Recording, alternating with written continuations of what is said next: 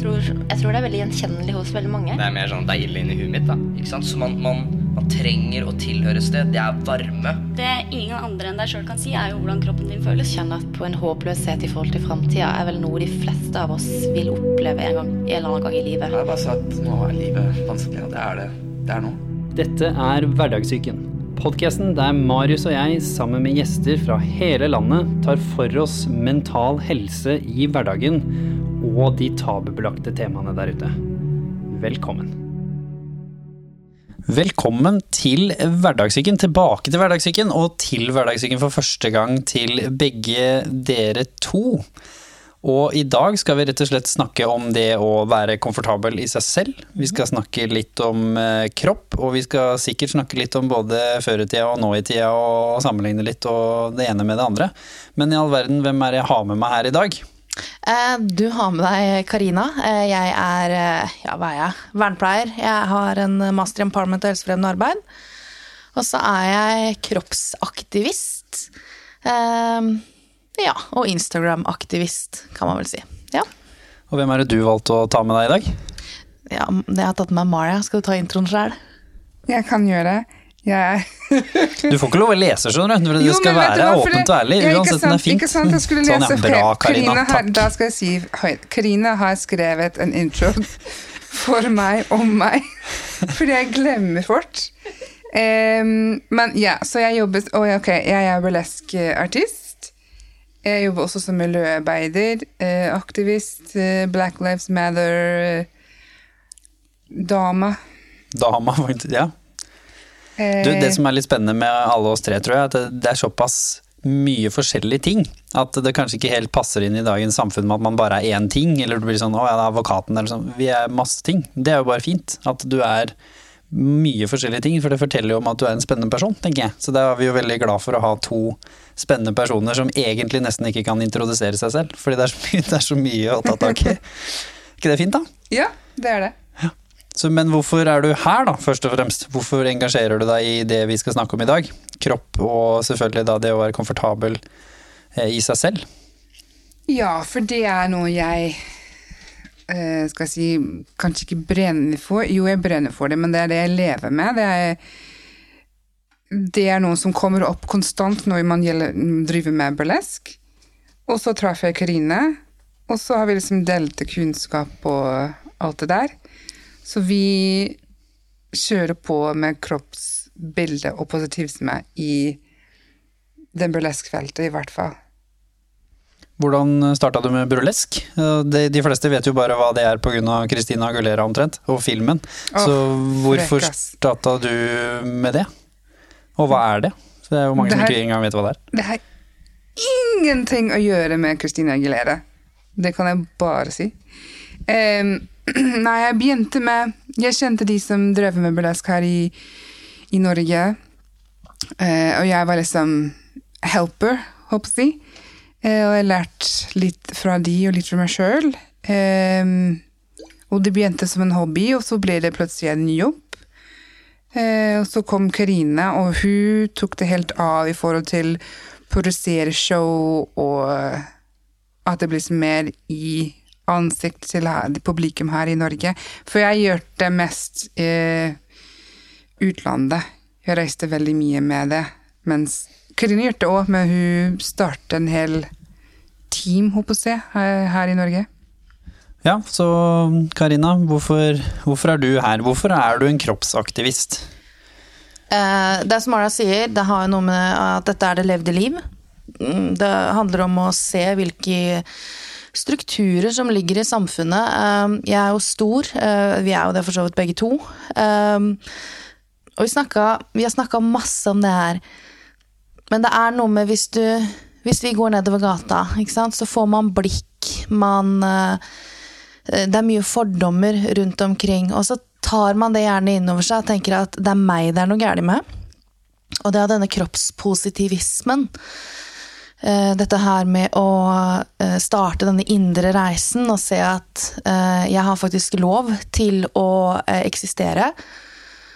Og presse skammen der skammen hører hjemme. Det er de som påfører meg skam, som skal skamme seg. Men så kan man jo spørre seg ok, men hvordan har dette her Hvorfor er det sånn? Hvorfor er det sånn at ti ti år gamle jenter syns det er skummelt å fortelle om hvor mye de veier? Hvorfor kaster barn i barnehagen matpakke? Fordi de er redde for å bli tjukke? Hvorfor må vi sitte her i en podkast og snakke om disse tingene? Ikke sant? Det er det strukturelle. Så jeg vil si at jeg er en eh, Altså individuelt så er jeg en kroppsaktivist. Men jeg er også en fettaktivist fordi det handler om de strukturelle, den strukturelle diskrimineringen av store mennesker. Så derfor er jeg her i dag, og så er jeg også burleskartist. da. Og det handler jo om det individuelle. Og prøve å løfte det strukturelt. Dette her er jo hverdagssyken som er av the human aspect, som på en måte står jo for en ekstrem eh, åpenhet, eh, personlig åpenhet. Altså, hva er grunnen til at du er her personlig, det mindre profesjonelle svaret? Hva er det som du har opplevd i ditt liv som gjorde at du tenkte at dette vil jeg ikke bare bry meg om for meg selv, men jeg vil også bry meg om det for andre, da, mennesker rundt deg?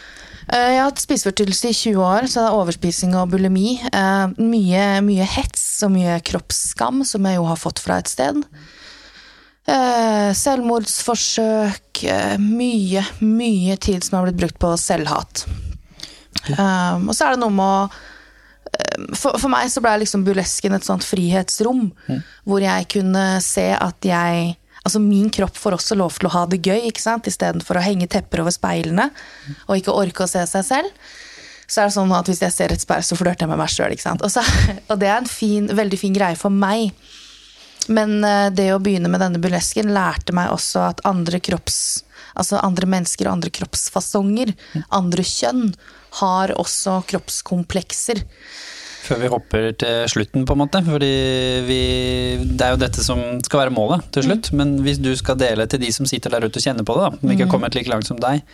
Hvis du nå skal dele ja, det øyeblikket som kanskje representerer mest hvor tøft det var før.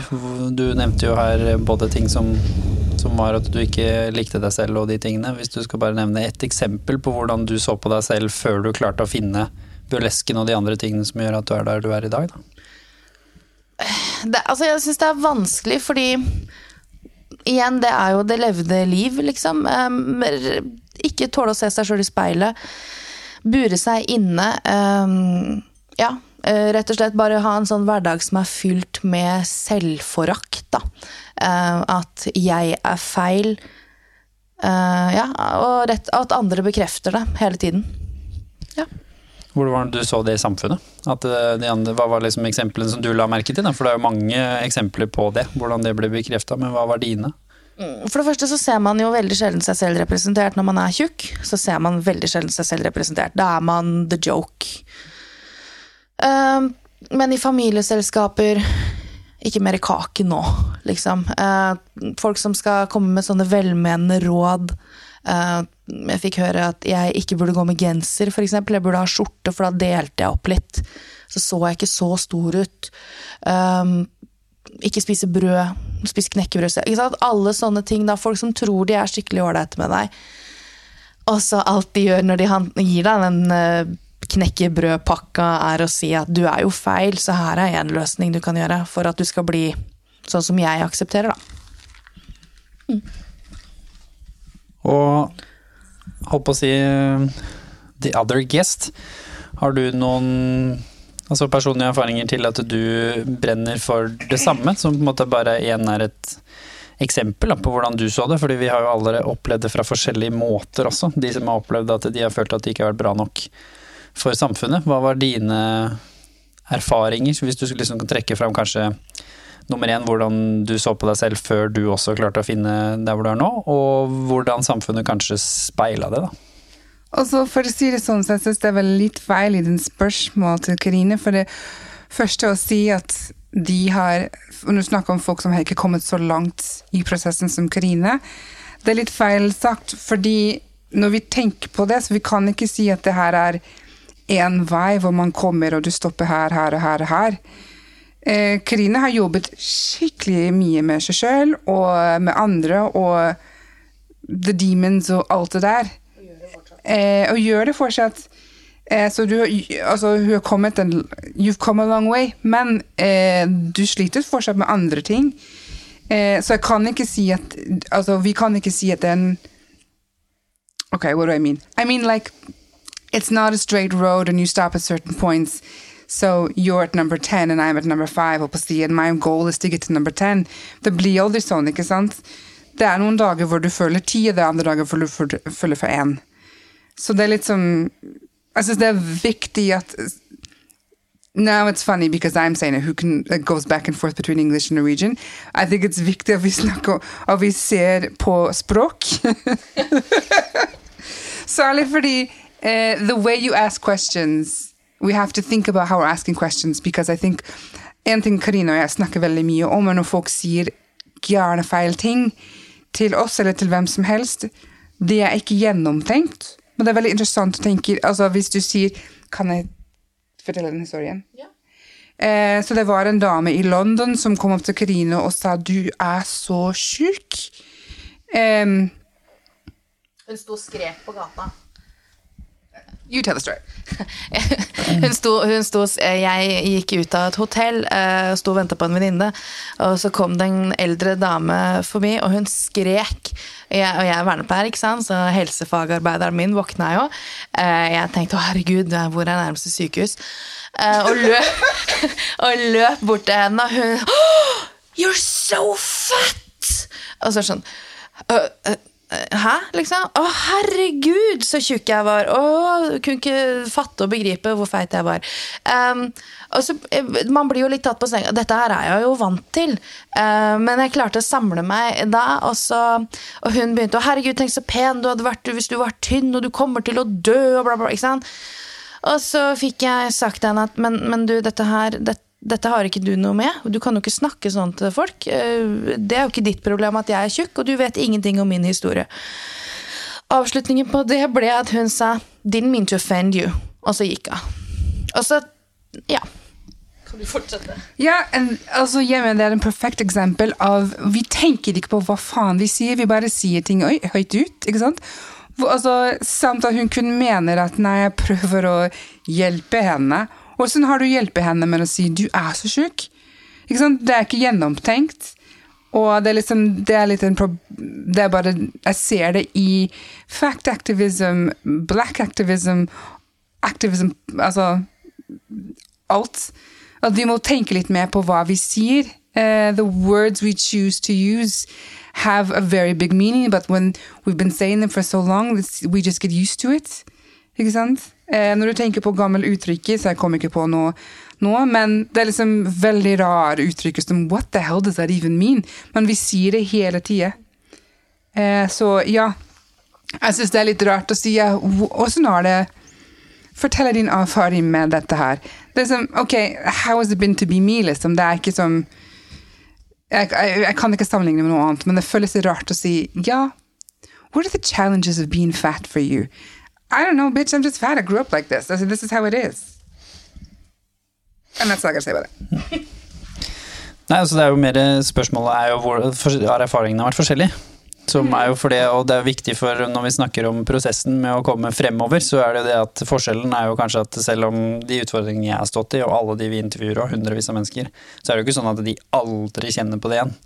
Hvis du har mista noen, eller har hatt grov angst eller depresjon, eller hva det er, så er det ikke sånn at den forsvinner. Og det er en distant memory. Men forskjellen er jo at den dominerer jo ikke dagen din. Det virker jo ikke som om det dominerer dagen til noen som har kommet til et sted hvor de kan snakke om det i det hele tatt. På en god måte, og at når han til og med engasjerer seg for andre. Så er det jo mer det, da. Mens det er jo mange der ute som fortsatt ikke har funnet uh, burlesken, f.eks., hvor de kan uttrykke seg, eller Og kanskje noe av problemet for dere er jo mye som det kan være også for å være en minoritet. Hvis ikke du endrer samfunnet, så hjelper det ikke om du jobber med deg selv. Ok, du vil gå gjennom samfunnet og føle eh, liksom, rasismen mindre fordi du har funnet måter å håndtere det på, men fortsatt samfunnet er jo fortsatt rasistisk. Så still a problem.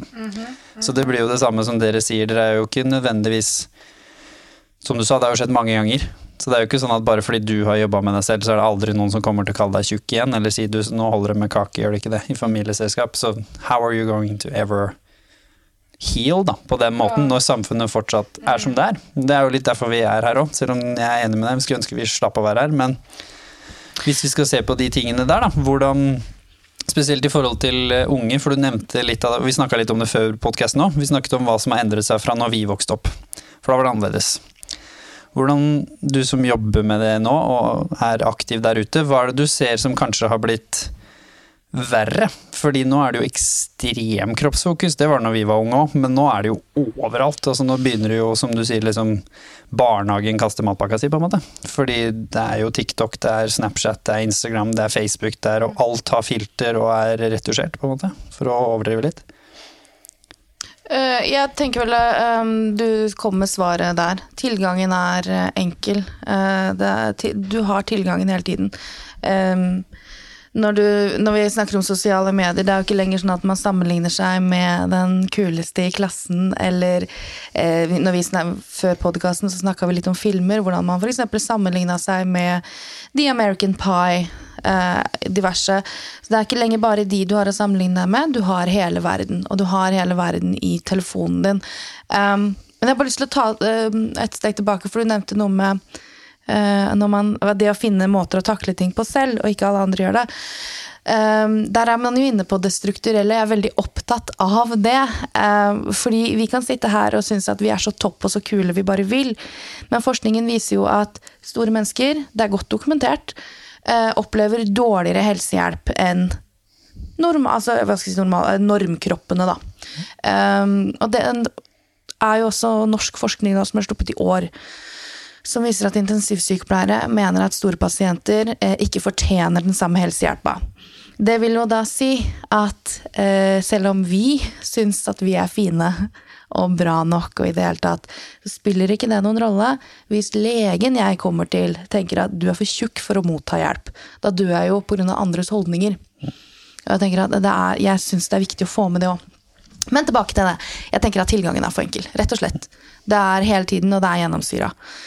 Og så ser man at kropp er trend. ikke sant? Vi har, som du sier, vi har alle vært utsatt for disse kroppstrendene. Og jeg syns det er interessant, for i dette der kroppsspillet, der kan jo ingen vinne. Nå er det jo fitness plutselig. Når Ja. jeg vokste opp, så skulle man jo være tynn som en strek og spise bomull. Da var det det som var modellene. Og så har vi jo vært gjennom formfull var inn en periode, og nå Ja. er det fitness. Nå skal jentene se ut som gutter, på en måte, i gamle dager, da. For Ja, å stereotype litt. hvis du ser fra 50-tallet til 60-tallet, jeg synes det er et veldig godt eksempel. Da har du 50-tallet, hvor man skal ha denne timeglassfasongen. Og 60-tallet, da, da gjorde jo feminismen sitt inntog.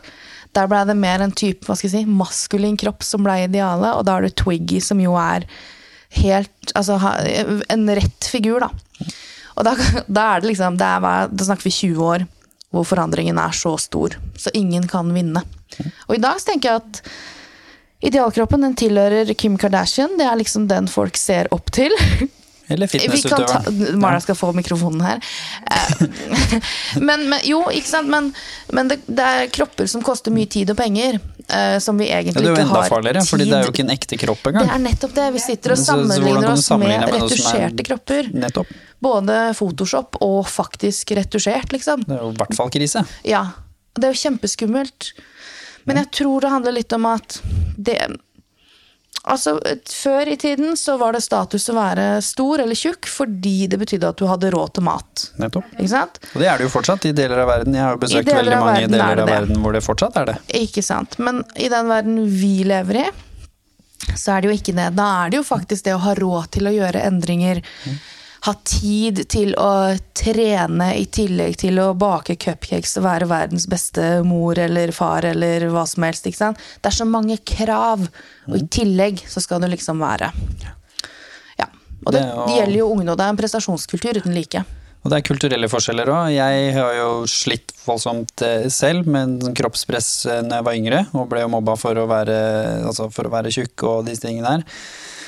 Hadde egentlig kommet til et ganske bra sted. Flytta til Singapore, var 27. Følte at nå kunne jeg se i speilet og i hvert fall være, ikke hate det jeg så, og være relativt fornøyd. Og det var jo et kjempesteg for meg den gangen. Og så kom jeg til Singapore, i asiatisk kultur, hvor man har et annet idealbilde av en mann. Da skal man være tynnere. Sant? Og det var ikke nødvendigvis det å være atletisk og de tingene som, som jeg var, som var positivt.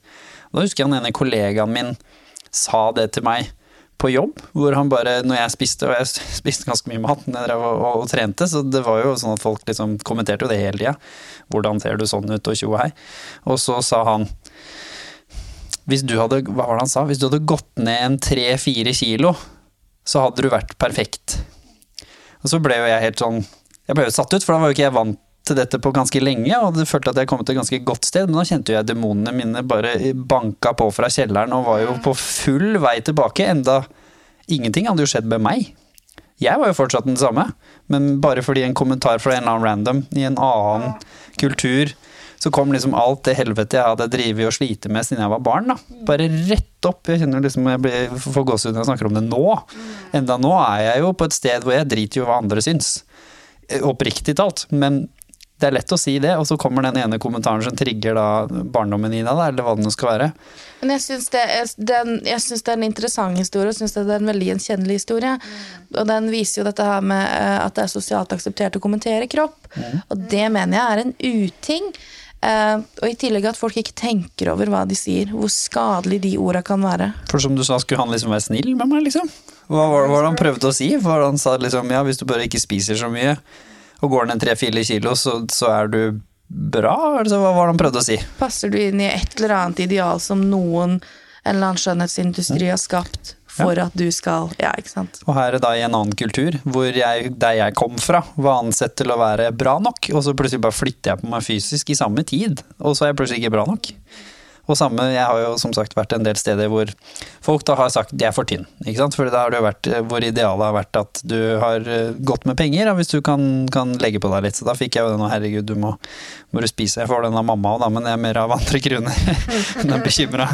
Men det er liksom, ja, som du sier, det der aksepten.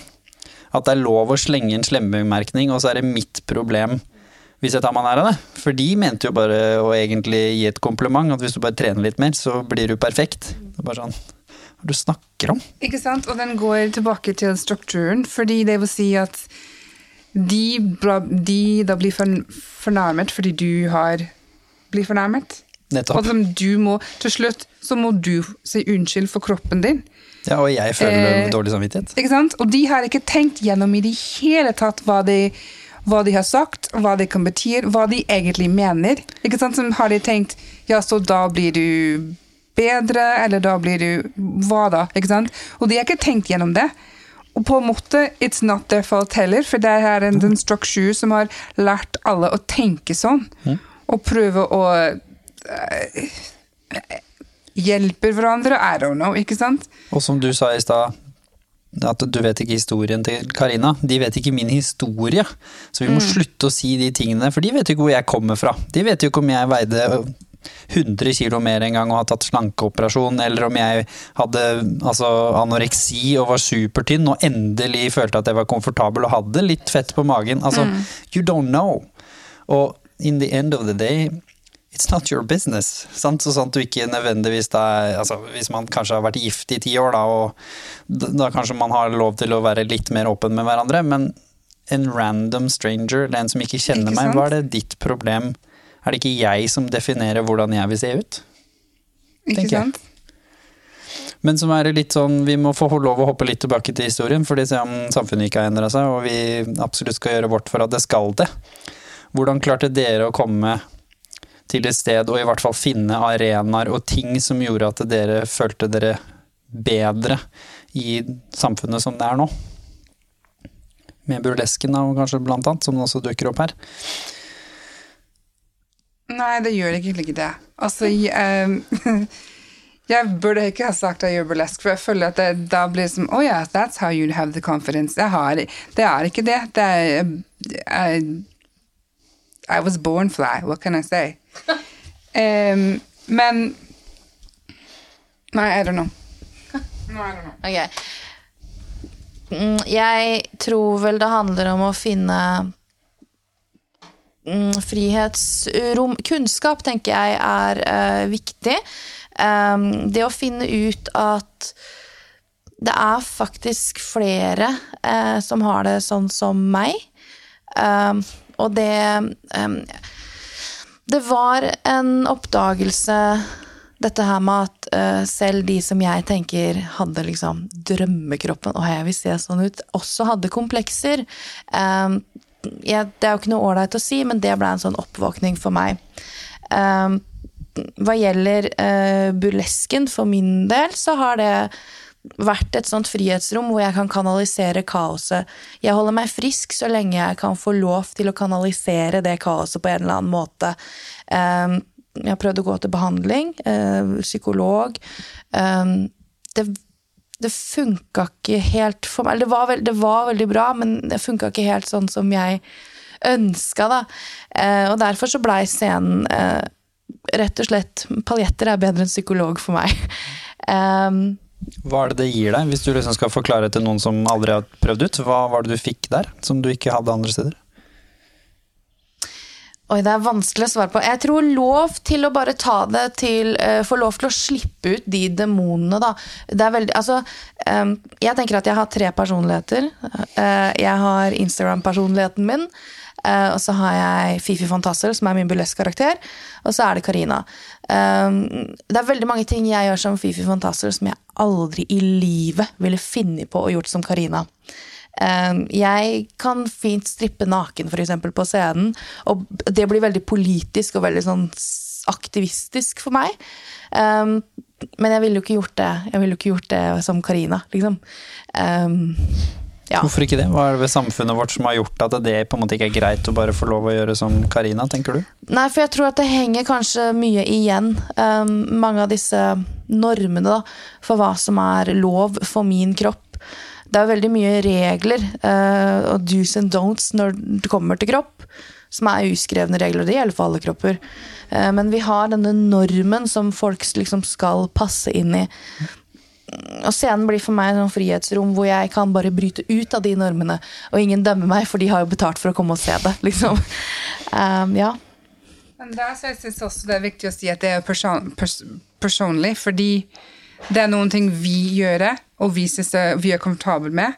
Um, men vi snakker om det tidligere. Um, at ikke alle må avklede seg for å vise frem confidence and body positivism. Um, men det er det som blir sett mest, ikke sant? Hvis du har ja, sex cells, ikke sant? Så hvis du har en dame i truse, så får man mer oppmerksomhet enn hvis du har en som er kledd i dress. Ikke sant? Så er det så synd at det, det visste jo vi når vi vokste opp òg, men nå er det så instant. Hvis du tester din egen Instagram, jeg liker jo å teste ting bare på moro. Hvis du liksom poster bilder om det jeg bryr meg om, da, det jeg engasjerer meg om, det er jo ofte de jeg intervjuer. Det kunne vært et bilde av dere, kunne vært eh, noe jeg gjør, kan være natur, kan være de ting, mat. Det er de tingene jeg setter pris på personlig ja, medium pluss eh, likes og stemning. Ikke sant? Men hvis jeg tar et bilde av meg selv, og prøver å kanskje gjøre det litt sånn så bra det kan være, riktig lys, kanskje jeg så litt ekstra, hadde liksom barbert meg, prøvd å gjøre det så perfekt som mulig, så får jeg i hvert fall to til tre ganger så mange likes. Så nå blir jo jeg fortalt av min verden, hvis jeg hadde da vært 13, at det eneste jeg må poste av meg sjøl, det er egentlig bilder av meg sjøl. For da får jeg jo masse dopamin og likes tilbake, mens det jeg bryr meg om, det er ikke bra nok.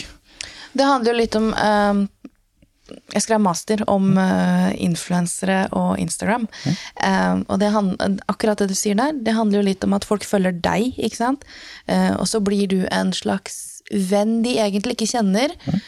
Um, men når du viser ansiktet ditt, så blir det mer personlig. Så det er Nå husker jeg ikke helt hva dette heter, men, men, men, det er en sånn kjendiseffekt. da. Ja. Du tror at du kjenner folk. Og det er derfor det er lettere for store influensere å selge ting eh, med disse rabattkodene enn det kanskje er for en eller annen statist da, på, på TV. Nei. Så det, ja. Mm. Men det er jo, og, og, vi forstår jo hvor det kommer fra. Mm. Og Det er jo ikke noe gærent med vennene mine som liker meg, men det er jo algoritmen i bånn her. Fordi Én ting er vennene, men algoritmen også vil jo fronte bildet av meg kontra å fronte et bilde av dere to på min konto. Så ja. det er mer interessant for meg å dele med mine følgere. Og hadde jeg spurt de, for det har jeg jo selvfølgelig gjort, så hadde de også syntes det hadde vært mer interessant å se bilde av dere to. Fordi de har jo sett meg nok ganger nå, så nå er det mer interessant å se at oi, shit, han har intervjuet de. Oi, jeg gleder meg til episoden kommer. Men mm. så tillater ikke algoritmen heller i det at jeg gjør det, i hvert fall hvis jeg er 13-14, fordi da er jeg jo så usikker på meg selv. Nå er det jo noe annet, nå bryr jeg meg ikke om likesene, men den gangen så Og jeg hører ungdom i dag da, sier at du blir jo mobba. Hvis du bare 'Å, herregud, fikk du bare ti likes det bildet, det er sletta', liksom. Kan ikke ha det. Hva med de fire andre hvor du fikk 50? Ikke sant? Og så blir det litt sånn at man blir jo speila i livet så veldig instant. Der hvor det kanskje tok oss noen måneder, da, som du sa du sammenligna med kanskje den kjekkeste i klassen eller hun søteste i klassen. Det var ikke liksom hele jækla verden hele tida inn på sekundene. Det blir vanskelig å, å, å akseptere seg selv og si at det er jeg som bestemmer hvordan jeg skal se ut i dag, enn det det var når vi vokste opp, da. Og så I det så ligger det også en usynliggjøring. Eh, dette her med f.eks. andre kulturer hvor det ikke er like innafor å drive og kle av seg hele tiden. De usynliggjøres, ikke sant. Eh, og så får man en sånn tanke om at eh, det ikke fins noen bodypositive mennesker som f.eks. bruker hijab, eller trenger ikke det engang. Eh, men det er jævlig mye bra folk. Eh, man må bare følge, man må bare gidde å leite litt. Eh, men mennesker som ikke eh, fyller den normen, altså da tenker jeg hvithetsnorm, for så vidt slank også. De største kroppsaktivistene er jo ofte slanke, hvilket jeg også syns er interessant. Eh, men de er ofte funksjonsfriske. Det er veldig sjelden at de er queer. ikke sant? Eh, alle de som bryter med den normen, de blir usynliggjort. Så ja, av de jævla algoritmene. Og da er det jo ekstra vanskelig hvis man da føler seg litt utenfor, da. Som jeg vokste opp og følte meg utenfor, og som kanskje dere også har gjort òg, av forskjellige grunner. Hvordan skal vi tenke at vi er greit? Og da kommer den der med at jeg ser ingen rollemodeller som meg selv, men jeg er veldig enig med deg jo at de fins jo. Mm, Så det er mulig å finne dem i dag. Så det er også litt viktig å ikke akseptere den sannheten hvis man er en minoritet, om det er av kroppen eller fargen eller altså seksualiteten eller hva det er. Og også ikke akseptere det, fordi det er ikke sant lenger. Når jeg og dere vokste opp, så var nok det kanskje til og med sant. Du fant kanskje én, to, tre rollemodeller som så ut som oss. Men i dag, fordi vi har hele verden, som den rollemodellen er fra Tyskland eller Japan eller USA, det er jo det, er jo det samme. Spiller ingen rolle Nå så lenge du kan Ja, ikke sant. Men man må, uh, man må gjøre en liten innsats, tenker jeg. Mhm. Um, jeg hadde en samtale med en ung, melaninrik, stor jente på 15. Um, som fortalte meg at hun, hun turte ikke gå i bikini. Ikke sant? Det var masse Og så spurte jeg henne, for hun sammenligner seg ikke sant, med alle rundt seg, så spurte jeg hvem følger du på Instagram, og så viste hun meg Insta-feeden sin. Det var da kun øh, høye, slanke, hvite modeller. Så folk ligna ikke i det hele tatt. Og det er ikke noe galt å være høy, slank og hvit, liksom. Altså, det er plass til alle. er. Men når hun sitter og sammenligner seg med de, du Mhm. kan aldri faktisk bli som disse. Jeg gjorde jo det selv. Eh, jeg satt og sammenligna meg med alle disse blonde, flotte jentene. Jeg håpa liksom at jeg skulle bli blond og blåøyd en dag. Um, det skjedde jo ikke. Men um, Ennå, ja. It, still can happen, da. -hmm. I dag kan man gjøre det underligste. Ja, det er trist, men sant. Ja. Men det å faktisk kunne rydde opp i Instagram-feeden min, ok, men, Mm. men dette her har ikke jeg bruk for å se i dag. Det kan være venner også. Man må slutte å ha så dårlig samvittighet for å slutte å følge folk, tenker jeg. Mm-hmm. Og heller faktisk gjøre den innsatsen og finne kule folk som ligner deg sjøl. Fordi da har du liksom Det er noe med disse vennene du tror du kjenner som du egentlig ikke kjenner. Men du får de liksom inn i telefonen din som kommer og minner deg på at jo, men du er bra. Dette her er fint. Jeg er en jævlig kul person som går akkurat som jeg vil. Og så får man den Man blir sånn empowered av det. Eh, så jeg tenker at mm, sosiale medier kan være Satan, rett og slett. Men det kan også være så innmari bra. Det er jo kan være et fantastisk, fristed. For det kan jo faktisk være folk du følger som du aldri har møtt, som jeg sikkert du hører ofte, vil jeg tippe. Mm. Som faktisk bare ved at du tør å dele av hvem du er, så klarer de å leve bedre i hvem de er, enda de har jo ikke møtt deg engang. Det er jo ganske fantastisk. at Det er veldig sånn. veldig fint. øh, Og jeg får en del sånne meldinger, og da Det er jo veldig hyggelig. Altså, ego trimmes jo, det er ikke det. Um, men jeg tror det er viktig at folk husker litt på at de gjør faktisk den jobben selv. At noen, sånn som du da, og jeg, og du ikke minst, altså vi i dette rommet, gir tillatelsen, hvis du trenger den tillatelsen, til å ta eierskap og like deg selv. Ok, vær så god, her har du den. Men så er det jo du som tar denne jobben. Det er du som tar på deg den ryggsekken dem. Mm. og går ut på ukjent reise. Og når folk liksom faktisk begynner den reisen, det syns jeg er veldig veldig fint. Mhm. Så takk, jo ok, jeg pusha deg ut, men Det er du som har gjort jobben. som egentlig Ja, ikke sant. Jeg syns det er veldig viktig at folk roser seg sjøl litt. Og så er det litt sånn viktig å finne anerkjennelse i eh, Maxi, som dere møtte på vei inn her, som spilte en han, eh, hans historie. The Human Aspect handler om eh, psoriasis. Og han hadde en sånn magisk historie om hva som skjer i hodet vårt, og hva som egentlig er sannheten. Og han hadde da hele livet vokst opp med at 'this is disgusting', jeg må ha T-skjorte når jeg svømmer i hallen, jeg flasser jo opp i badekaret? Altså masse tanker om hva andre mennesker mente om han og hans psoriasis. Og så dro han til eh, en eller annen sånn party destination med gutta, og så skulle de male seg med kroppsmaling.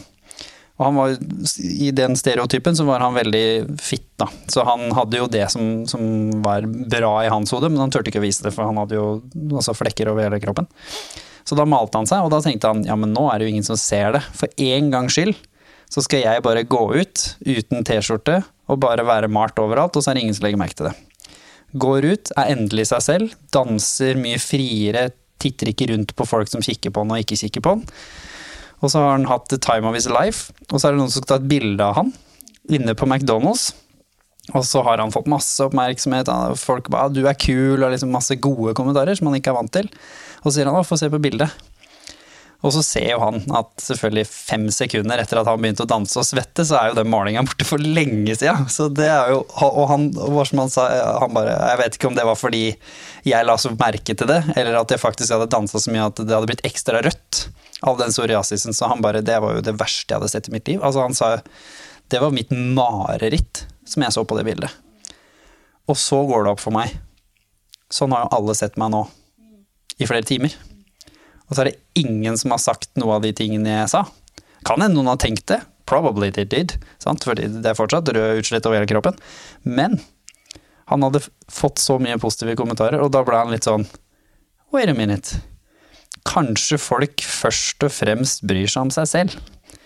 Du vil alltid have a douchebag, you will alltid have a racist, you will always have people that will comment be an idiot og sikkert masse folk som tenker ting i huet sitt, men in the end of the day så er jo folk først og fremst opptatt av seg sjæl. Og det endra livet hans, den opplevelsen der, fordi han ble ikke kvitt psoriasisen, men han gikk plutselig ut i verden og gjorde ikke hele dagen sin om til å prøve å skjule at han hadde psoriasis. Og da fikk han jo endelig lov å vise de gode kvalitetene han hadde. At han var en god danser. Han var morsom. Han var egentlig ganske lett og ledig. Ikke han stille karen som satt borti hjørnet og nekta å være med fordi han var redd for at noen skulle se at han hadde rødt utslett. Og det er jo også en litt sånn viktig lærdom som jeg også fikk, hvor det var at når jeg var ekstra usikker på meg selv og bada med T-skjorte, så ble jeg jo i hvert fall lagt merke til. For det er jo 30 grader, så hvorfor i svarte bader med T-skjorte? Mens når jeg tok den av, det var faktisk mamma som sa, mamma, mamma var litt direkte, mamma bare ja, men er det ikke bedre med brunt fett enn hvitt fett, da? Og så hun bare vi jenter liker det, vi skjønner du, så bare få av den T-skjorta slutt å tulle, kom deg ut, du blir jo brun fort, ikke sant. Og så blei jeg jo ikke like lagt merke til. Fordi nå gikk jeg jo i hvert fall som alle andre, på en måte. Og da brydde jo dem mest om seg selv og bada og fanga krabber og gudene veit hva de styra med.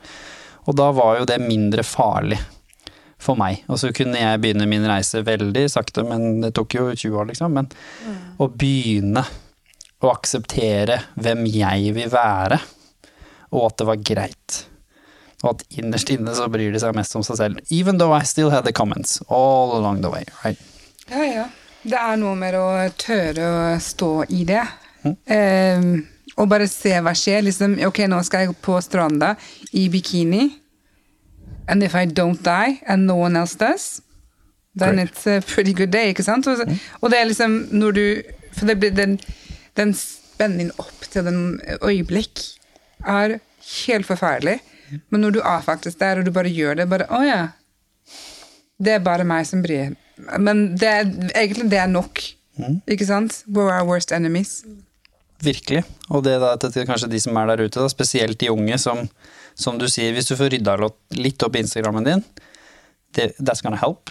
Men in the end of the day så må du faktisk rydde litt opp i ditt eget hode, og kanskje tørre å eksponere deg som Maxi da, for ditt verste mareritt. Hva skjer da? Så for en som kanskje føler seg veldig stor, kanskje det verste marerittet er å gå, kle seg naken da, eller gå i bikini på stranda, for da føler du at da alle ser på meg. Da føler du at hele stranda kommer til å stoppe med det de driver med, sant? og bare glane på deg. Det er jo 100 sikkert at det ikke kommer til å skje. Noen kanskje glaner på deg, kanskje til og med du får en gammel kjerring som gir deg en kommentar. But most people are just gonna continue the day at the beach. Ja. Det tror jeg kan være veldig fint å tørre å prøve. Selvfølgelig kanskje starte litt smått, da. kanskje ikke gå på en scene og, og kle seg naken sånn hvis du aldri har gjort det før, for det kan jo være litt traumatisk òg, men det kan også være veldig frigjørende. Så du må føle på om det er det du har lyst til å gjøre. There's something about the anarchy of it all and being able to take that on and be so Dette er meg. I'm gonna do it and just do it. Um, I år faktisk var det første året jeg har gått i den minste, bik minste bikini jeg kunne finne, liksom. Altså It is so small! Og jeg elsker den. Og jeg liksom Når jeg går ut på stranda, jeg bare Eat it up, bitches. This is all this you gonna get. I love it. I love it. Også til og med Nei, men- hva skjedde da? Altså sånn for å bekrefte din historie, da. Altså stoppa hele stranda og hva var som foregikk? altså, nei, jeg, jeg tror det var mest barn som reagerte, eh, enn det var voksen. Men jeg tror det som voksen er liksom mer Altså, Norwegians are very cold and very to themselves, ikke sant? so they're not going to show you that they're staring at you. Whereas children are just going to be children and, and just stare. Um, so that I, I think I reacted a bit on that when the kids looked at me, men, må, men det er bare liksom stopp meg og tenke, ok, hva er det hva er det egentlig som skjer her nå? De barn ser på deg, and you don't know what they're saying. And does it really matter? Og så tenker jeg, men hvis det er negativt eller positivt, whatever, da, da får de sett meg, og det, da har de sett mangfold. Nettopp. Uh, so whether it's whether they like it or not, who gives a shit? This is what the world looks like. This is what we all. This is how it is. So make it more most natural instead for always seeing uh, fat people walk around in tents or always seeing black people looking down and trying to be invisible because our existence, our skin is threatening to you. Altså, særlig her, i hvert fall, så jeg prøver å just do I try to do all the things that terrify me as much as I can. Uh, and it's so exhausting. Don't get me wrong, it's so exhausting. Man, in the long run, it's very worth shitting your pants over all the time. Jo, og som du sier, altså det her handler jo kanskje om normen også. Fordi det er det at de fleste barn har jo ikke engang kognitiv evne til å ha de tankene, så de fleste barn ser jo antagelig bare på det fordi det er noe nytt. Og Det gjelder jo om det er fargen på huden, om det er det flotte håret du har, eller om det er tatoveringene, eller om det er pakken med det. Så blir de sånn Oi, det har jeg ikke sett før. Artig. Og så titter de på det, men så, det er jo vi voksne som ofte gjerne ilegger barn noe voldsomt med tankekraft. Og de bare 'Å ja, gud, ja, de ser på meg for jeg er tjukk', selvfølgelig. Ikke fordi du har en dritkul tatovering, eller håret ditt er awesome, eller Eller fordi vi alltid har uh, baderinger som både er enhjørninger og flamingoer og pineapples og sånn. Så det kan vel hende det var misunnelse de i de fem år gamle øynene. De bare 'hvorfor har hun den?' Jo, og det, det, men det er viktig med normalisering. Det er veldig fint at du sier det òg, fordi den derre både å ikke judge other people for at dette er det eneste de har sett, sant? men også skape den normaliseringen, for da vil jo du hjelpe dette barnet til til slutt, kanskje neste gang, bare gå at bygge sandslott, for de bare 'Å ja, men hun har vi sett før', det har jo ikke noe å bry seg om. bygge sandslott. Ja. For da har du vist at alle ser ikke ut som den såkalte stereotype norske hva nå enn det egentlig er, da. Men altså blond og blå øyne, da. Og strektynn. Men, men det der er ganske interessant, eh, bare det dere snakker om nå, fordi av og til så kommer det barn, ikke sant? Og uh, som dere sier, altså barn har jo ikke nødvendigvis denne Filter. kunnskapen, de lærer det jo et sted. Og så kan et barn si 'oi, du er tjukk'. Og så uh, av og til rekker man det, og av og til rekker man det ikke, og sier 'ja, det er jeg', og det er liksom Ja, ikke sant? Og, ja, og, liksom, og noen mennesker er store, og jeg er stor, og så hender det at de spør hvorfor. Og så kan vi ha en fin samtale om det. Men veldig ofte så skjer det at foreldrene blir helt sånn å, herregud! Altså, sånn kan du ikke spørre om det er stygt å si. ikke sant? Så tenker jeg, Men det er jo ikke det. For tjukk er det motsatte av tynn for meg. Og Ikke sant? Så Og man, man læres ja, opp til at tjukk er så negativt. Ja. Og da lærer jo barn at ok, det skal man ikke være, da er du feil for at du er det, og jeg må for guds skyld ikke bli det. Og, Og sånn, ikke spørre. Ikke sant? Ikke er spørre. Mm. Og sånn kan det starte. Liksom. Jeg er helt enig. Jeg var jo litt over snittet nysgjerrig som kid, eh, og kom fra Hurum. Så der hadde vi jo ingen som var fra andre land. Så når jeg første gang så noen da som var mørk, så spurte jo jeg hva som skjer her, på en måte. Og mamma ble jo kjempeflau, ikke sant. Jeg tror jeg var tre-fire år eller noe sånt. Skravla som en foss. Mamma nesten ikke orka å ta meg med ut, for det var alltid et eller annet. Men hvor mamma da, ikke sant, å herregud, sier hun så flau, og dette var en som var adoptert, da. Så da moren var veldig pragmatisk, og var sånn, ja, det er fordi at uh, han kommer fra jeg tror det faktisk var Ghana, hvor hun sier han kommer fra Ghana, det er et land som er eh, i det afrikanske kontinentet, og liksom tok seg tid til å forklare meg, da, og jeg syntes det var dritspennende, jeg var så nysgjerrig, jeg ville jo hjem og se på atlaset, og så sa jeg hvor, hvor er det, kan jeg reise dit, det, kan vi ta bussen, ikke sant? Begynte jeg med mine spørsmål. Fordi stort sett spørsmål som kommer fra barn, har jo ikke en ond intensjon enda. Den er jo gjerne vi voksne som tuller til. Så jeg er helt enig i den der korrigerende oppførselen. Egentlig bekrefter jo stereotypen ja nei gud, du må ikke spørre noen om hvorfor de er mørkere i huden enn deg. Da sier jo du at det er noe gærent i å være mørkere i huden, eller å være større eller mindre. Og det er jo ikke det i det hele tatt. We're just all humans, we're just different. Som er jo hele skjermen. Og da forteller du egentlig barnet ditt en fantastisk lærdom, hvis du tør å la de få lov å spørre og kanskje heller hjelper til samtalen. Da. Du sier liksom oi, ja nei, han, han er nysgjerrig, han kanskje mente ikke noe vondt med det, men hvis du vil keep this conversation with my kid, så by all means, fortsett. Ja. Og ikke ødelegge. Læring, tenker Nei, jeg. ikke sant? Men det, ja, det er som ikke alle setter jo pris på at barn peker og sier så tjukt det er. Altså, selvfølgelig. Um, Det er for så vidt fint, det sånn sett, men Så, jeg, så jeg, skjønner, jeg skjønner så godt reaksjonen.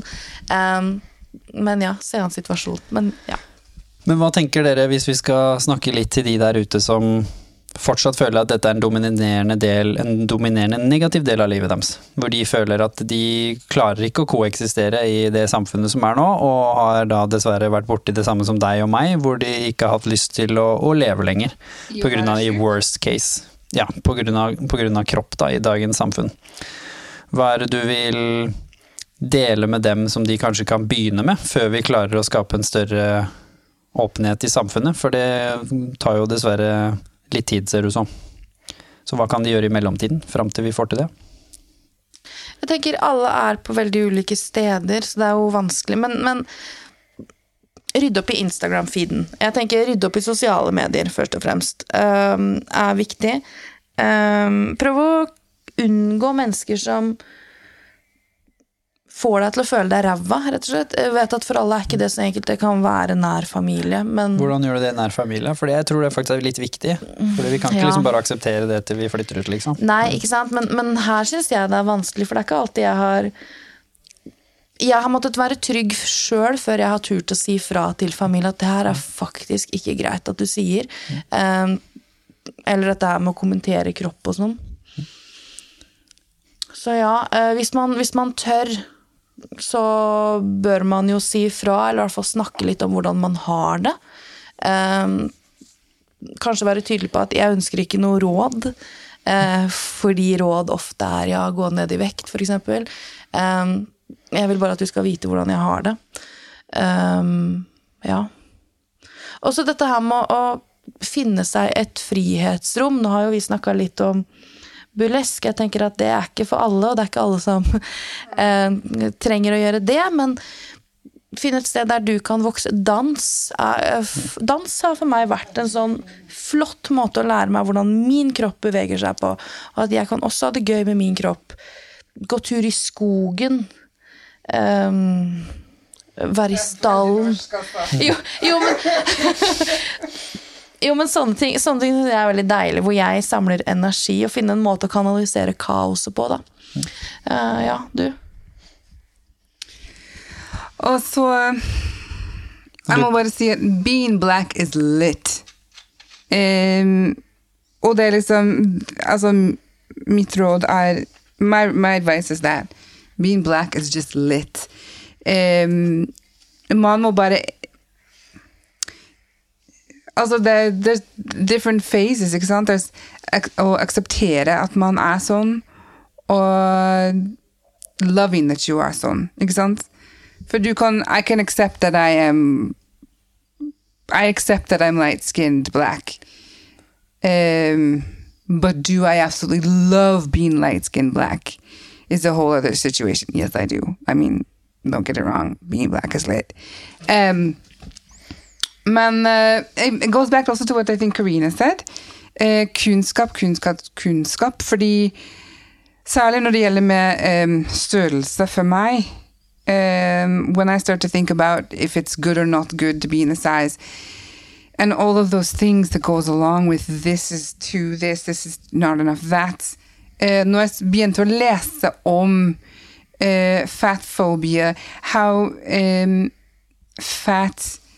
fatness, uh, how fatness uh, is a part of blackness, which is here. Fatness is a part of blackness, is part of this racial structural system. So that is to, what I mean is um, the racist structural system that we live in is designed to put down black people and designed to put down fat people. Uh, so if you're both, yeah, you get both. But what's interesting for me is when I started to read about it and learn about the structure of the system and how that is a structure and it is a system and it's not just me, it's not a personal thing that's happening to me and only to me, but that this is a whole thing and that there's an evil going on that's happening to me. It's not me doing, it's not the choices I've made that I've made the wrong choices and now I'm stuck being fat. It's the society has made the wrong choices in deciding that that's wrong. Det som er litt spennende med Jeg hadde jo min reise. Så har jeg en søsteren min. Eh, Søsteren min eh, har også hatt noen eh, altså foreliggende noen sykdommer som har liksom gjort at hun også har vært stor store deler av livet. Og, og har fått mye av de samme tingene med liksom kommentarene på de maten og sånn. Men til slutt så har hun bare akseptert og vært som hun er. Og jeg hadde jo min reise med trening.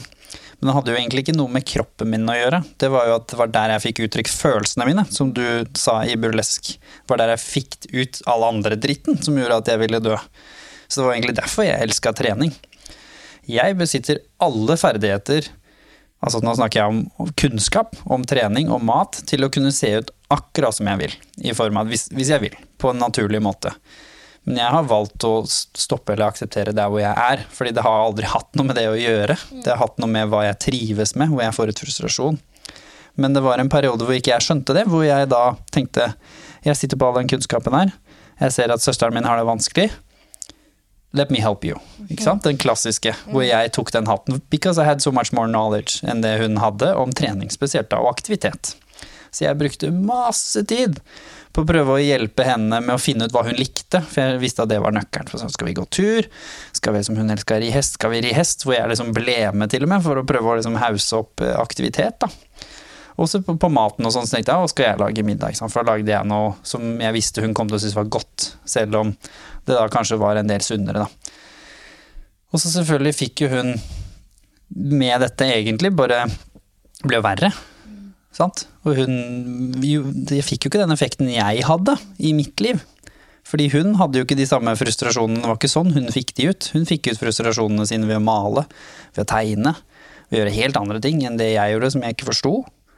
Og derfor så prosjekterte jeg egentlig, som er jo litt typisk at vi gjør, prosjekterer vi det som funka for meg, på deg. For jeg tenker nå skal jeg hjelpe deg. Og det var så fascinerende å forstå det.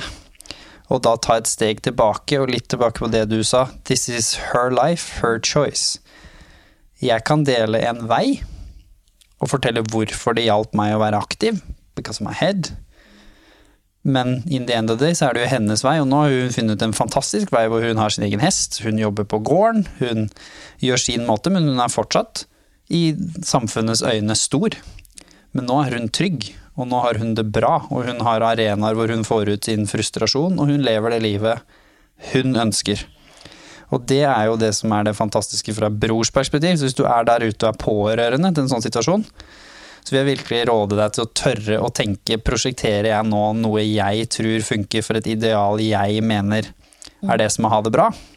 Eller deler jeg bare kunnskap nå? For det, det er to måter å dele det på. Ja, For det var jo ikke hun som leda den samtalen. Nei, fordi det er litt bare For det er litt interessant. Vi bare mm, mm, mm. Det er kjempefint, men det jeg lurer på, er Visste du at det var et problem å være stor? For henne, Det- ja. Hun ja. hadde uttrykt det, ja. Ja, og da Var det et problem for deg? Nei. Nei, fordi, fordi det jeg lurer på er Spurte noen gang hva, hva hun trengte? Fordi det er jo det som of- folk gjør ikke, ikke sant? Nei, folk jeg gjorde ikke det ut at- i starten. Ikke i det hele tatt. Nei, nei, Og det er så Og det gjør Hun ikke behandlingssystemet uttrykte- heller. Behand, nei, altså, alle går ut fra at ingen vil være tjukke. Eh, og veldig mange vil jo ikke det. Men altså, hun uttrykte jo det, Ja. men det var jo fordi samfunnet fortalte henne at dette er jo, det er jo ikke sånn det skal se ut. strukturelt, strukturelt. og, men, og vi kommer bare tilbake til alt her. Men dette her med å ikke spørre hva er det du trenger. Folk eh, gir disse rådene som ingen har bedt om. ikke sant? Og nå skal jeg komme og redde deg. Som du sier da, på bakgrunn av min erfaring og min kunnskap. Og jeg får jo sånne ting, men det er ingen som har spurt meg er, hvordan, hvordan har du det? Og jeg har det fint, ikke sant? Eh, og trives med å være som jeg er. Og det sliter folk virkelig med å tro på. Ja. Det syns jeg er litt skremmende. Det er vel ikke bare at de sliter med å tro på det, de klarer vel ikke å akseptere det? Nei, ikke sant? Nei, at du Jeg er så lei av å høre når folk sier hvordan du har valgt å leve ditt liv. Mm. Liksom, ja, jeg er vernepleier, er det det? Er det det du tenker på? Instagram-profilen Ja. er. Liker å gå i kjoler, er det det? Ja, altså, jeg kom på det vi snakket om i stad, hvor du sa at det var en det var en dame som mente at eh, det var greit at du var som, som du var, men at du gjør så at uh, Du gjør så at feit ser kul ut, og det likte hun ikke. Nei, nei eh, det, det var jeg fikk faktisk eh, Det var en sykepleier som tok kontakt med meg, sa, for jeg hadde lagt ut en post med 'All bodies are good bodies', hvor hun sa jeg er enig i det, men du får det til å se kult ut å være tjukk, og det er jeg ikke enig i. Og da, som vi om i sted, når du legger på det 'men', da er det da, Allerede der har du liksom sagt at det er den øvre grense. Uh, ja. Og det som skjedde i den samtalen, var at jeg følte at jeg måtte forsvare meg. Ja, Og det tror jeg er veldig vanlig. Du må ha en unnskyldning for å se ut som det jeg gjør. Uh, og det, det gikk faktisk et par dager, og dette gikk jeg og gnagde på, før jeg tenkte vet du hva, visst faen får jeg det til å se kult ut å være tjukk. Det er fordi at jeg har et kult liv. Jeg er en kul dame. Og så tenkte jeg sånn, ta den, ungdomsskolen. Men, men, men ja. Du må liksom alltid ha en unnskyldning på lager.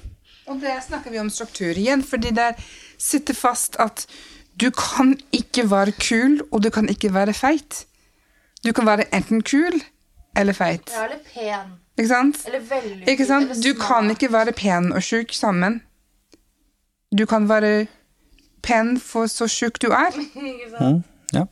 um, og det er liksom de tingene som er galskap. Og det her handler om den racist mother trucking structure, this system, this world, altså! Oi. Her kom håret. Ja. Jo, men, Nei, vi, vi har en lang vei å gå, da. ja, absolutt. Men, jo, Men- men det, var det, det som var det fascinerende i det også, er jo viktig å ta fram at Først og fremst, ja, det var hun som hadde uttrykt det pga. samfunnet. Jeg kom fra et den gangen godt sted som bror, fordi jeg visste ikke bedre. Jeg visste ikke at dette kom til å gjøre situasjonen verre, og egentlig delte jeg jo noe bare som funka for meg. Mm. Men det er det vi må ta tak i. Det er litt det samme som vi, vi har eh, snakket ganske mye om diskriminering og rasisme i det siste. Hvor det er ikke mulig å begynne samtalen engang hvis du antar at 80% av de menneskene som, som er i midten, som ikke er de ekstreme, hvis du antar at alle de er horrible mennesker som tenker at dette kommer til å såre Karina, nå skal jeg si det verste som Karina vet, og jeg skal gjøre det med full intensjon, det, da går det ikke an å ha samtalen, for da vil du allerede prosjektere at jeg er et dårlig menneske. Så hvis du etterpå skal prøve å fortelle meg hvordan jeg heller burde ha spurt, så hører jeg jo ikke. Nei. Mens hvis du sier at vet du hva, jeg skjønner faktisk at dette er vanskelig for deg å forstå, men har du gjort det samme som du gjorde med den som var 40 kilo lettere enn meg, hvor du spurte hva er det du trenger av meg, som du sa, når sykepleierne behandler folk annerledes. Ja. Der har du bomma, så der må vi tørre å utfordre og si Hvorfor spør du ikke meg om hva jeg trenger? I know you asked den som kom før meg, hva de trenger. So why are you making a difference with me? Og det er jo samme innenfor rasisme også. Hvorfor spør ikke du meg hvor, hva jeg trenger, og antar f.eks. at bare fordi jeg kommer fra en somalsk familie, så snakker vi ikke om ting hjemme. Som kan være en stereotyp, ikke sant. Og du antar at jeg ikke får lov å gå til psykolog, for det kan jeg jo ikke si til mamma. Hvis jeg er fra Somalia, som, som er en stereotyp i Norge, da. Why do you have those assumptions, istedenfor å bare spørre meg Du kom til meg, jeg er fagperson, hva er det du trenger? Hva, hvorfor kom du hit? Og så er det jeg som får lov å bli den som styrer I know why I'm coming, så det er jo gjerne en grunn til at jeg er her. Så skal vi liksom ta den antakelsen sammen med storebror. Kan ikke jeg bare Jeg burde ha spurt, og det har jeg selvfølgelig gjort seinere. Jo, men, men jeg, jeg skjønner jo akkurat i den situasjonen at det er bare skyte inn. Jeg skjønner jo at det er velmenende, eh, og det det er kommer jo fra et godt Ikke sant? Og det er det jeg pleier å omtale som sånne velmenende drittsekker, da. Mm. Uh, som tror at nå skal jeg gjøre livet bedre for deg, og så er det bare hva skal jeg si, reinforce gamle Hvor man ikke lytter. Ja, ikke sant? Og det er kanskje nøkkelordet. Når du ikke lytter. På noe nivå, egentlig. Ja, bestemor sa det ganske fint. Når du bedømmer en annen situasjon ut ifra hvordan du hadde håndtert det selv, så vil du alltid feildømme. For da har jo ikke du tillatt den andre personen å fortelle hvordan er det for deg. Hva er det du trenger, hva er det du vil. Da antar du jo bare at du vet svaret på et liv du ikke har levd. That's pretty naive, to be fair. Sant?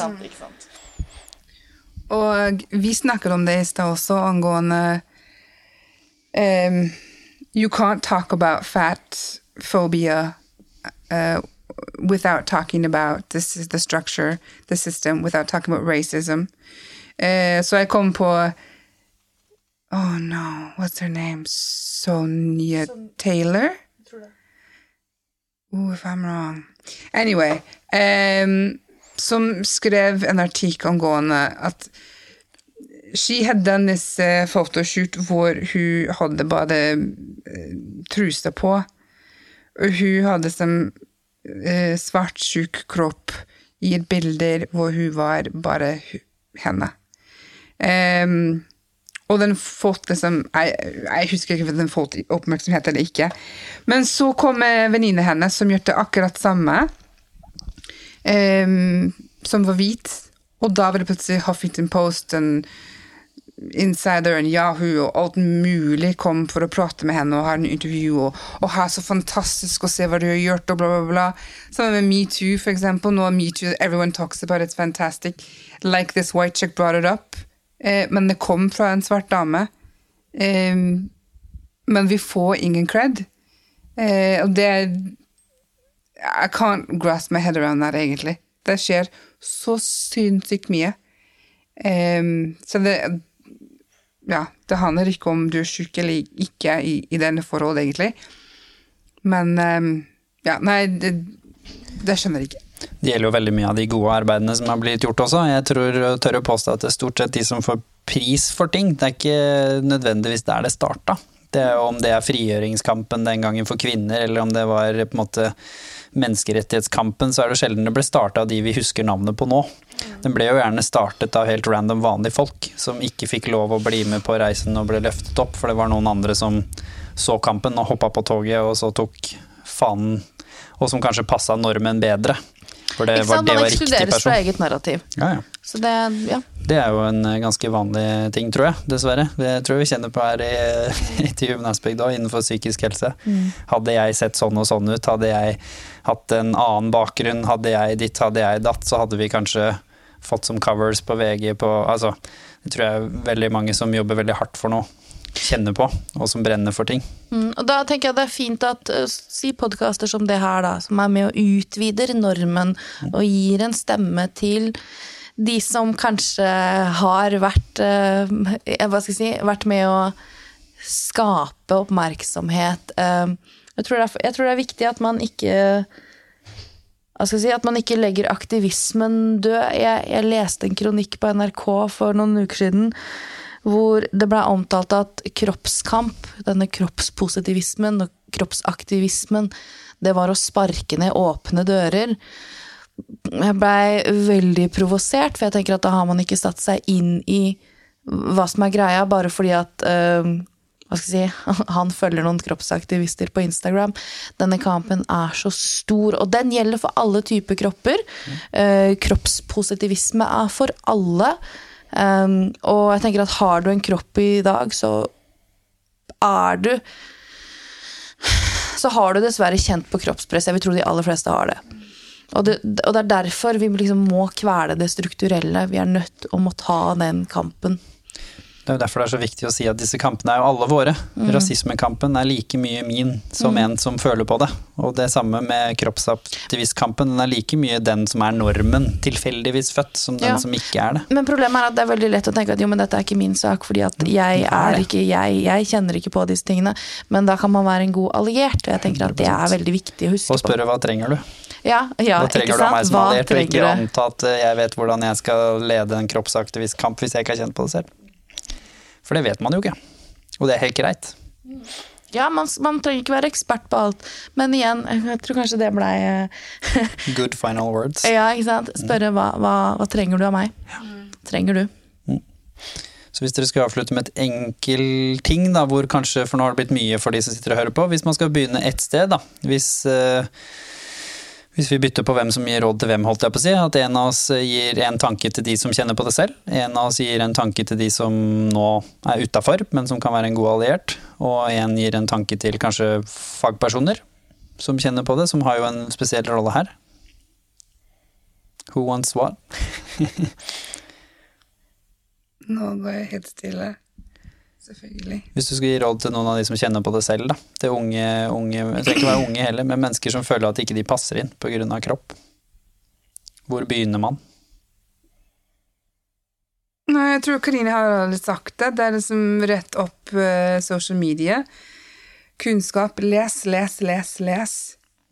Ehm, ja. Hvis du tar fagperson da, Karina, hva, hva ville vært din Where do they start?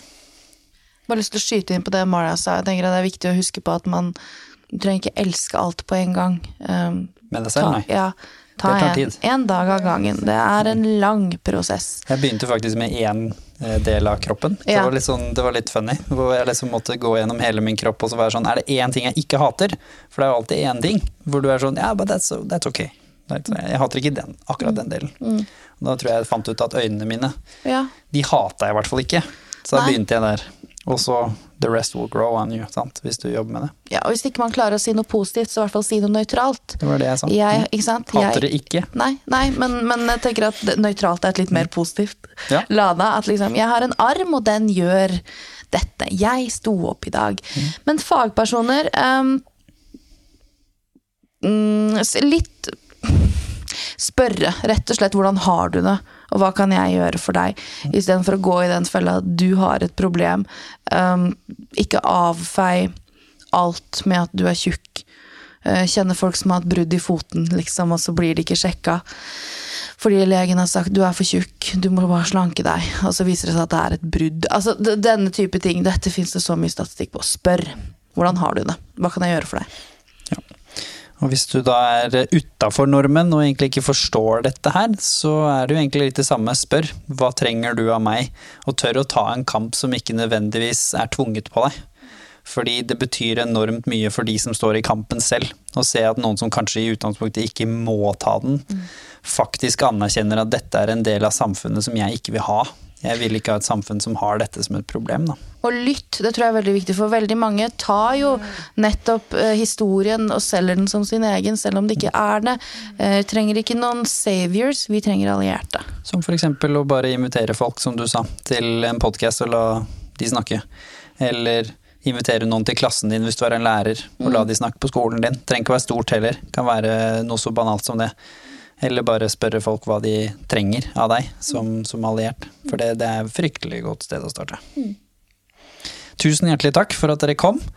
Selvfølgelig, hvor finner vi dere? På speaking av å rydde opp i sosiale medier og dytte inn noe bra. Hvor, hvor finner vi dere? Hva heter dere? Hvis du vil ha mye naken tjukkas, så er det da fet, men fattet. Og nå husker jeg ikke hva jeg heter. Er det Knockout Noir? Knockout Noir. Knockout noir. Det er Knockout Noir på Vi tagger det også, selvfølgelig, så dere you will find it. Er det noen andre tips? Er det noen du rydder opp i Instagrammen din? Har du noen andre som er gode ting eller folk å følge? Body Panda, uh, Wheelchair Rapunzel, uh, Zack Miko, uh, mm, mm, Lizzo. Ja. Eh, Sean King. Sean King. Vi skal selvfølgelig få disse tagsene fra dere også, så de kommer til å bli lagt ut i posten under her. Så da finner dere dem, så ikke dere trenger å google dere her, holdt jeg på å si. vi sender en liste. Tenker det er lett. Jeg kommer ikke på alle nå, Ja. men det er mye bra folk. Den skal vi få. Tusen hjertelig takk igjen. Og som sagt, eh, dere der ute, ta og gjør deres beste. Begynn et sted. Og ja, rett og slett eh, begynn med å være nøytral med et eller annet med deg selv. Eller prøv å være en god eh, rollemodell eh, med de rundt deg, eller prøv å være en god alliert. Do your best, and you at least do more than if you do nothing. Takk for oss.